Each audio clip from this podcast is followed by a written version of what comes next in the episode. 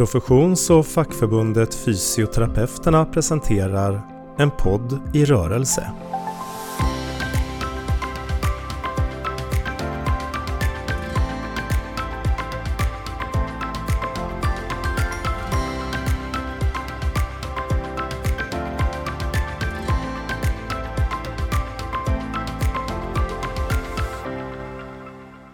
Idag så ska vi prata lite om eh, God och nära vård-utredningen och eh, då har jag glädjen att eh, i den här podden få besök utav Lise Lidbeck.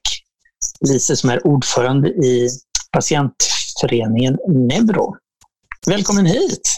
Tack så jättemycket och eh, tack för att jag får vara med. Ja, det är roligt. Hur mår du i dessa coronatider? Jag mår verkligen jättebra. Eh, fast det är en väldigt märklig tid vi lever i just nu. Eh, Mm. Det är det. Och eh, just det här med att sitta i karantän är en märklig känsla. Både jag och maken jobbar hemifrån så som många andra gör. Eh, Mm. Och eh, bara detta att sitta i ett varsitt rum hemma på dagarna. Inte minst är katten väldigt förbryllad över det där. Han undrar Mm. vad vi gör hemma hos honom så här mycket.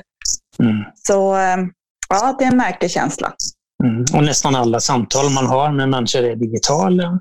Ja, Och, och nästan alla samtal så ställer man frågan, hur mår du? Det är väl i och för sig trevligt att man frågar efter, men det är ju många som far illa. Så ni får vara glada för alla som håller sig på benen. och Så. ja men precis, verkligen så. Mm. Eh, vad gör man om en förbundsordförande i Neuro? Vad, vad är Neuro och vad, vad gör du? Ja, Neuroförbundet det är då en organisation som eh, organiserar då patienter eller personer som har neurologiska diagnoser och deras närstående. Och eh, som förbundsordförande så har jag då det hedersamma uppdraget att eh, få representera mitt förbund i olika frågor. Jag är ansiktet utåt och eh, jag lyfter neurologin och de frågor som är viktiga för förbundet i alla möjliga och omöjliga sammanhang. Det är viktigt helt enkelt för oss att lyfta eh, våra medlemmars frågor uppe på agendan. Mm. Ett otroligt roligt och spännande jobb som Mm. jag har haft nu i snart sju år. I sju år. Ja, Ja, snart. det är faktiskt ungefär samma tid som jag har haft mitt uppdrag som förbundsordförande. Det är ju alltid hedersamt att bli vald till att representera. Ja, Eh, Det är också ansvarsfullt. Och så. Det är nog många som tycker att Neuro har blivit mycket mer synligt och flyttat fram sina positioner och det är vi ju glada för. Och du är också en av de som sitter som, eh, eh, som, det, som eh, finns i en av referensgrupperna till Anna Nergårds God och nära vård-utredning. ja, Jag finns i en annan när det gäller professionerna och så, men den här utredningen tar ju sin, sin, sin avspark kan man säga, i en, ett nytt förhållningssätt som är mycket mer personcentrerat. Och då tänkte jag att det är väldigt intressant att höra dina reflektioner kring utredningen. Har utredningen lyckats fånga det som är väsentligt nu? Vad, vad tycker du? ja, det tycker jag absolut. Alltså, jag var väldigt positiv redan från början för min personliga uppfattning är att den här utredningen den hamnade helt rätt helt från början och har varit rätt ända till slutet. Det är klart att det finns saker i den här utredningens slutsatser som man kan fundera över och diskutera, men i det stora hela om man ser på eh, alltså ursprungsperspektivet just det här att vi går ifrån en hälso och sjukvård som har byggt väldigt mycket på byggnader, organisation och strukturer för att istället då kretsa kring mänskliga behov. Och vad jag som patient och vad jag som Lise eh, har, har för behov och för preferenser och utgår från hela min livssituation. Det är ju det som framför allt kommer göra en väldigt stor skillnad när de här förslagen går igenom. För det kommer de göra, de flesta av dem, det är jag helt övertygad om. Mm. De är ganska väl förankrade och grundade och processer. Ja, och det är väl en utav, skulle jag också vilja säga, styrkorna som den här utredningen har haft hela tiden. Att den från början har, eh, alltså man har verkligen fokuserat på det här med att få en ordentlig förankring på alla nivåer och eh, man har verkligen varit tydlig med vad man vill uppnå. Man har tagit, inhämtat mycket åsikter på vägen. Och det kommer vara en av de framgångsfaktorerna som gör att det här faktiskt kommer bli verklighet, det mesta mm. av det. Det, det. det, tror jag. Och eh, att man har hämtat in så många olika perspektiv. Mm. Och inte bara hälso och sjukvårdens perspektiv utan också ja, utifrån. Mm. Är det någon särskild del du tycker är viktig som är framlyft, förutom att den är väl förankrad och processad? Ja, framförallt så gillar jag den här delen att eh, det här ska inte bara handla om att hälso och sjukvården ska komma närmare mig som patient, utan man har också utgångsläget att man behöver vara många olika aktörer i den här nya framtidens hälso och sjukvård. Just tanken att man ska inkludera alla delar som kan ha en betydelse i mitt liv. Eh, allt ifrån socialtjänsten till skolan till samverkan mellan regioner och kommuner, samverkan på en rad olika håll. Och samverkan är ju verkligen någonting som många påpekar saknas idag i den struktur vi har med stuprör och, och man behandlar olika kroppsdelar på olika ställen och så vidare. Man liksom har inte helhetsperspektivet. Mm. Och det är väl en av de sakerna jag tycker är absolut viktigast i den här utredningen, att man verkligen försöker få in det, helhetsperspektivet. Och att man också öppnar upp för strukturer som tillåter flexibilitet.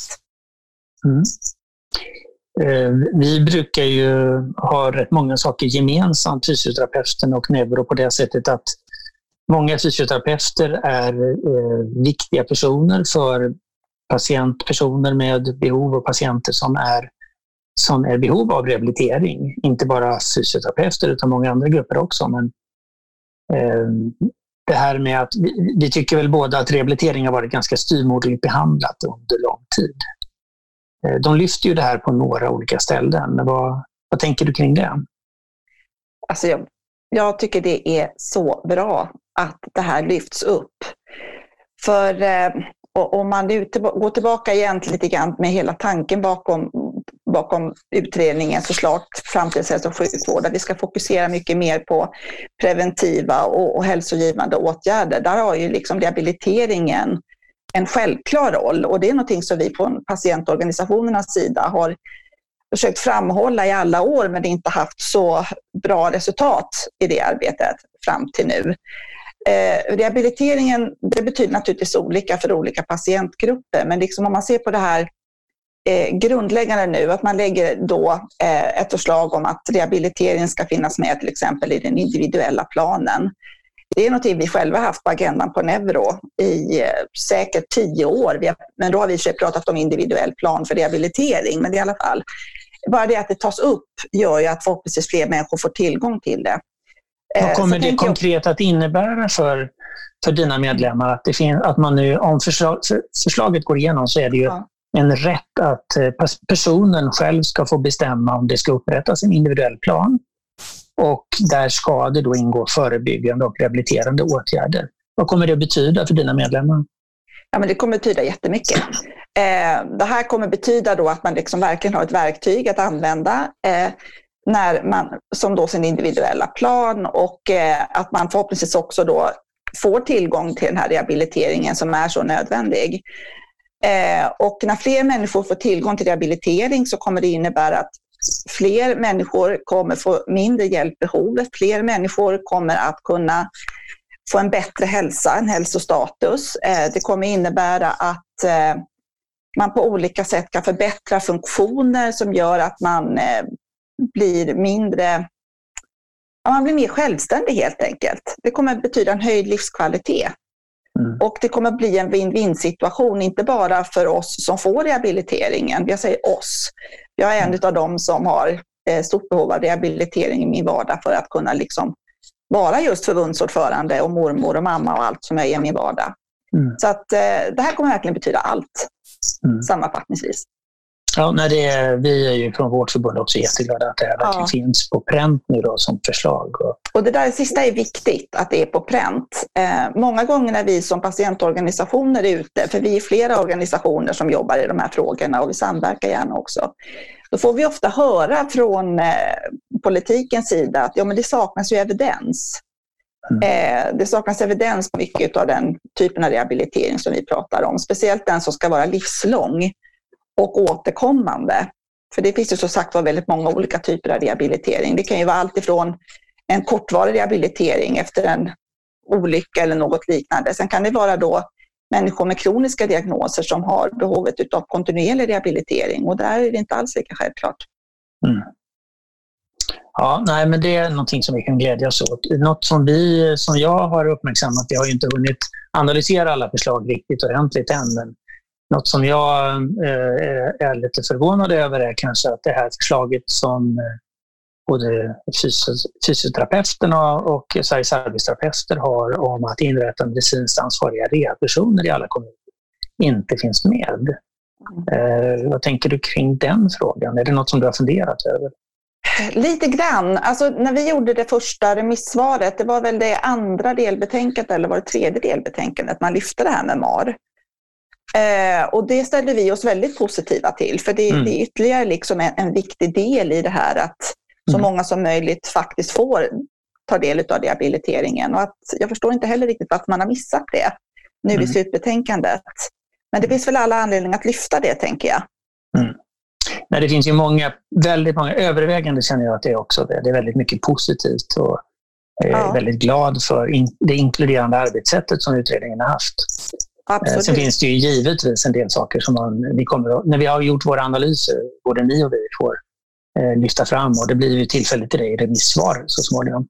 Eh, något som ja. bekymrar mina medlemmar är ju det här med eh, de som finns på nationella taxan, de fysioterapeuterna som ju eh, är bekymrade över att, eller vi är bekymrade från förbundet, att det är inte är tillräckligt statlig reglering kvar i något av förslagen som finns. Men, ja, har ni överhuvudtaget funderat så här dags på den frågan eller är det för tidigt? Nej, det kan jag inte påstå. Vi har inte fördjupat oss i den så, men däremot så har jag personlig erfarenhet av mina egna fysioterapeuter som jag har träffat, eh, som mm. har uttryckt bekymmer mm. eh, över det och oro över det. Eh, så det finns väl alla anledningar för oss också att titta lite närmare på det. Absolut. Eh, och eh, vi har inte ännu hunnit grotta ner oss så mycket i det här slutbetänkandet, men som jag sa Nej. förut, då, i stora delar så är det här väldigt positivt. Mm. Och, eh, men det kommer ju också kräva väldigt mycket arbete för att det här ska bli verklighet, att det här, de här mm. förslagen verkligen ska gå igenom. Jag mm. tänker att det kommer vara det tuffaste av allt. Precis. Nej, det är bra med en vilja och det är bra om man förstår vad som behöver göras, men det ska också genomföras. Precis. Och där får, man ju, får vi ju se till att agera och vara de aktörerna som trycker på för att det verkligen ska bli verklighet. Och får hoppas att eh, regeringen tar många av förslagen vidare i det fallet. En sak som jag funderar på det är ju att eh, både vi som fysioterapeuter, ja, eller du och jag när vi är mm. patienter i den rollen, behöver ju också träna oss i vad innebär det här, den här målbilden som finns i utredningen att vi om eh, tio år kanske har ett helt annat system för hälso och sjukvården där varje individs egen hälsa och det hälsofrämjande perspektivet eh, får ett mycket större utrymme. Mm. Eh, det, har, det tål att fundera på. Jag tror att vi alla måste fundera på hur blir vår roll i framtiden därför att det är ju en helt annan eh, hälso och sjukvård vi går till mötes.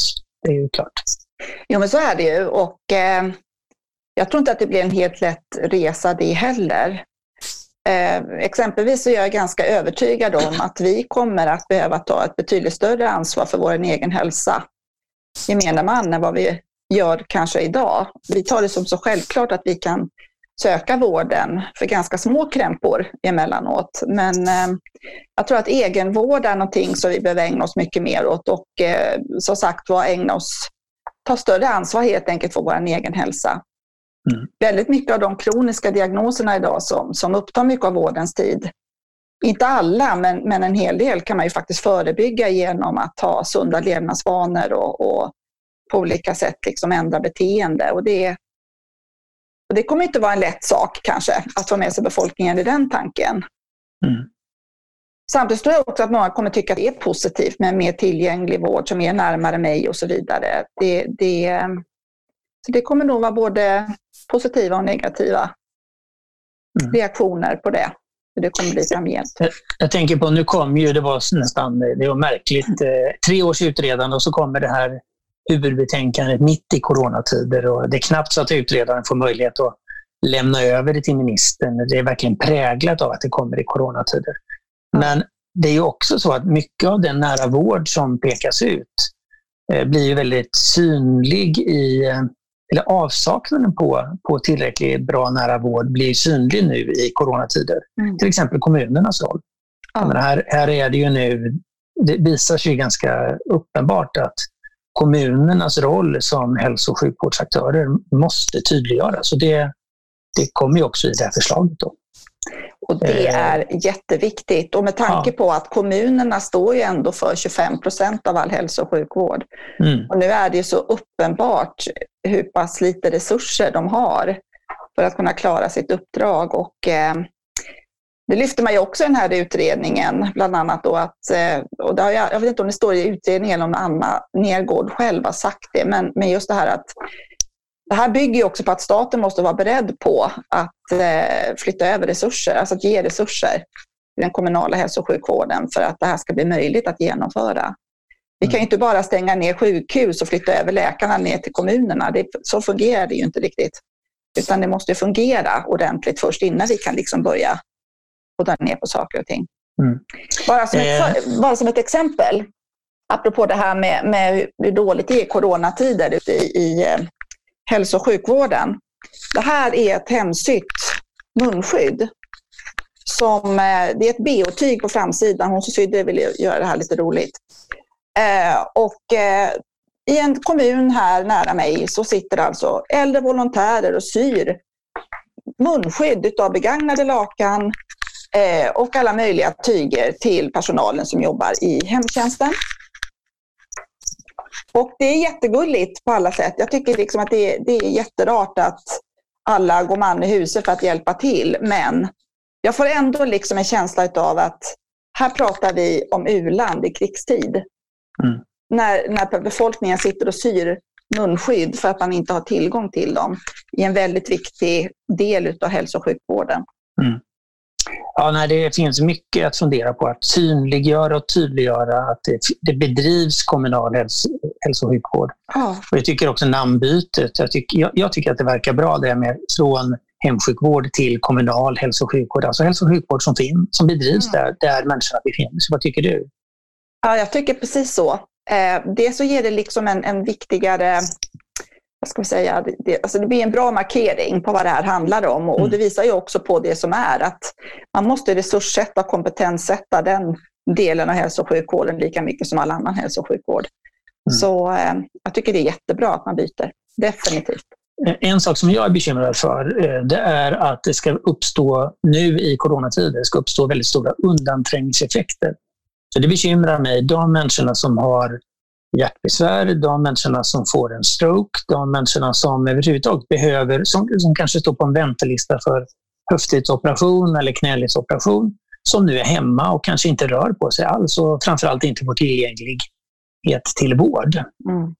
Eh, vad, händer, vad händer i höst och vad händer nästa år? Det kan bli en väldiga undanträngningseffekter av det här. Lite för mig är det så att det är nästan präglat av, jag, jag har sett det här behovet, eller från, från, från vårt förbund ser vi det här behovet att rehabilitering är så eftersatt. Ja. Och nu ser vi att det här tydliggörs med corona på ett annat sätt. Mm. Vad tänker du kring det? Nej, men jag tänker precis som du och jag har också en rädsla för det här med undanträngningseffekter. Och, eh, dels för att det, rätten till rehabilitering, alltså att rehabiliteringen är, är en del som man kommer snåla in väldigt, väldigt mycket på. Men jag tänker också utifrån om man ser också på, på socialtjänstens insatser. Mm. Jag kan också känna stor oro över att eh, många sådana här satsningar som till exempel LSS och, och, och annat kan få sig rejäla törnar i det här. Alltså nu har man ju varit tvungen att ta väldigt mycket medel till eh, just coronakrisen. Och det är ju inte konstigt. Men redan innan coronakrisen så rapporterade 17 av 21 regioner att de gick back. Och det lär ju inte bli bättre nu efter coronakrisen och, och absolut undanträngningseffekter. Och det, det... det, är jag orolig för. Så att jag inser att vi kommer att ha mycket att göra när den här krisen har lagt sig. Mm. Men eh, om man tänker, det är, det är mycket eh, besvärligt och elände och, och sorgligt och död kring corona. Men om man tänker på, eh, försöker se några ljuspunkter. Hur, tror du att det är någonting, om man tänker på funktionshinderrörelsen och eh, där du befinner dig. Är det någonting som vi kan lära oss av som kommer att bli bättre när vi kommer ut ur den här krisen? Vet du, det tror jag faktiskt. Eh, jag gillar att tänka positivt. Ehm, om vi nu tar det område som jag jobbar inom då, om man ska nu nämna några saker. Digitaliseringen till exempel har ju fått ett ordentligt genom uppsving kan man mm. säga i, i mm. vårt föreningsliv. Och eh, en ganska trött rörelse har nu plötsligt vaknat till liv och man börjar hitta nya lösningar och man håller allt ifrån årsmöten till sittzumba på eh, digitalt, vilket jag tycker är jätte, jätteroligt. Alltså man börjar se att man kan finnas till på ett sätt för sina medlemmar som man kanske inte har varit medveten om tidigare jag tror också att vi på, på ett helt nytt sätt nu verkligen fått visa framfötterna i civilsamhället. Vi har ju en stor roll att spela nu genom att stötta oroliga medlemmar, ge råd och stöd och jag hoppas nu att det är fler människor utanför föreningslivet som upptäcker det här, vilken styrka det faktiskt kan vara att bli medlem i ett förbund och vad man kan åstadkomma tillsammans. Där är en av de sakerna som jag hoppas ska bli en följd av den här pandemin, att vi faktiskt får flera medlemmar. Ehm, men sen har jag också en stark förhoppning om att eh, man också har fått upp ögonen liksom för, för det här med patientperspektivet ännu mer, hur viktigt det är och att sen att vi då sida med sida mer än vad det varit tidigare med myndigheter och beslutsfattare kan vara med liksom och bygga upp de här nya samhällsstrukturerna som vi kommer att behöva göra. Så att ja. Eh, ja, jag kan se en hel del ljusglimtar i det här. Men jag ser också en hel del farhågor, absolut. Mm. Men du är ju en, eh, jag har lärt känna dig som en konstruktiv och positiv person, en positivt tänkande person. Och det, det, det, behövs ju i dessa tider. Vi behöver hjälpa varandra på det sättet. Jag kan känna det du berättar om att förhoppningen om att fler engagerar sig, att vi får fler medlemmar, den förhoppningen delar vi. Vi ser ju det också att eh, efterfrågan efter till exempel att engagera sig fackligt har ju ökat kraftigt under den här krisen. Och eh, Eh, det är väl bara att hoppas att eh, människor tycker och inser att det är viktigt att gå samman och hjälpas åt med det hela Absolut. även fortsättningsvis. Och det har vi ju gjort under många år nu, Lise. Till exempel när vi arbetade fram vår vision inför förra kongressen. Då var du en av de personerna som tillsammans med många andra var med och lämnade tips och förslag på så att vi fick vår nya vision eh, som vi fick 2016. Alla ska kunna leva ett hälsosamt liv i rörelse. Mm. Och det är lite av syftet med den här podden, det är att både vara en röst i samhällsdebatten men också att lyfta frågor kring visionen eh, som vi har. Då. Jag tänkte vi skulle avrunda lite nu då och eh, då brukar vi göra så i podden att man får vara statsminister för en dag. Så nu Lise Lidbeck, nu är du statsminister och får lägga förslag på utifrån det här vi har pratat om, kanske mest utifrån god och nära vård. Om du vore statsminister, vilket eller vilka beslut skulle du fatta då? Oj, alltså det är så mycket jag skulle vilja göra. Jag skulle inte ens hinna med det på en dag, eh, tror jag. Du får begränsa lite så du hinner ja, med att fatta jag beslut. Jag förstår det. Ja. Men, men jag tänker det här just att eh, jag skulle vilja fatta beslut om att staten faktiskt eh, fattar beslutet om att tillföra resurser till, eh, till den nära vården. För det kommer behövas göra. Vi kommer behöva en plan för det. Det behöver tas fram en strategi för, för att resurssätta så att det här verkligen blir av på riktigt.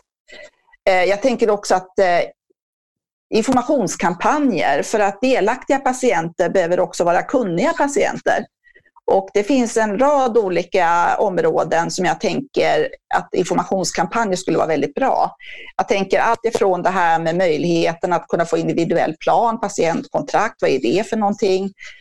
Ehm, sådana kampanjer och sen mm. sist men inte minst lite mer långtgående. För jag tänker så här att framtidens hälso och sjukvård bygger också på eh, kontinuitet och eh, kunskap som jag var inne på då alldeles nyss.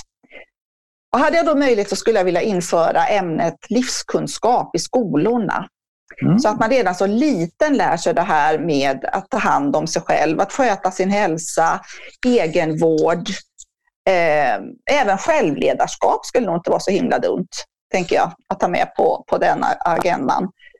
Eh, alltså kort sagt ett eh, ämne som behandlar liksom hur man lever sitt bästa liv och blir sitt bästa jag. Det skulle jag vilja ha på schemat. Se där. Du kanske kandiderar för en ministerpost fram, framöver med de goda förslagen inom hälso och sjukvården. Tack snälla Lise ja, för att tack. du ville vara med i vår podd. Och, eh, vi ses och fort, ser fram emot fortsatt samarbete. Tack ska du ha. Ja, jag också. Tack så hemskt mycket att jag fick vara med. Mm, tack, tack. Tack. Hej. Hej då. En podd i rörelse presenterades av Fysioterapeuterna.